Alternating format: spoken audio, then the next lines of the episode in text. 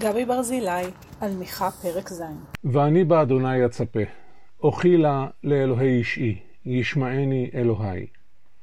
הצהרת האמונה של מיכה לא באה ממקום טוב. בעצם הוא היה מעדיף להאמין בבני אדם.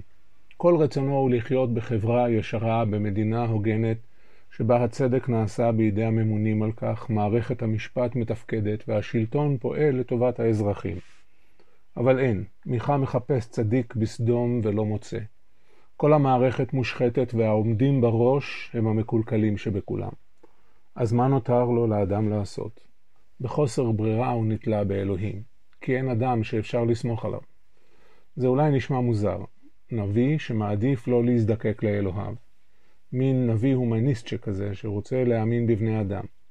נביא שמכיר בקיומו של אלוהים, אבל מעדיף שלא יתערב במציאות, שיישאר מאחורי הקלעים. כי אם הוא יעלה לבמה, זה ייגמר בבכי. זה נראה לנו מוזר, אבל זה אכן כך. כיוון שהרוח הנבואית רואה את האנושות כאחראית למעשיה ולמציאות. בניגוד לדתות אחרות הדוגלות בגורל קבוע או בגזרה מוחלטת משמיים, המקרא והנביאים מאמינים בבחירה חופשית ובאחריות האדם לחייו.